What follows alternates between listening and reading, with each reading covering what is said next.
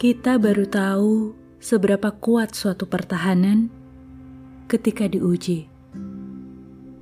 Seringkali kita tidak menyukai ujian, ada yang menghindar, bahkan berlari menjauh.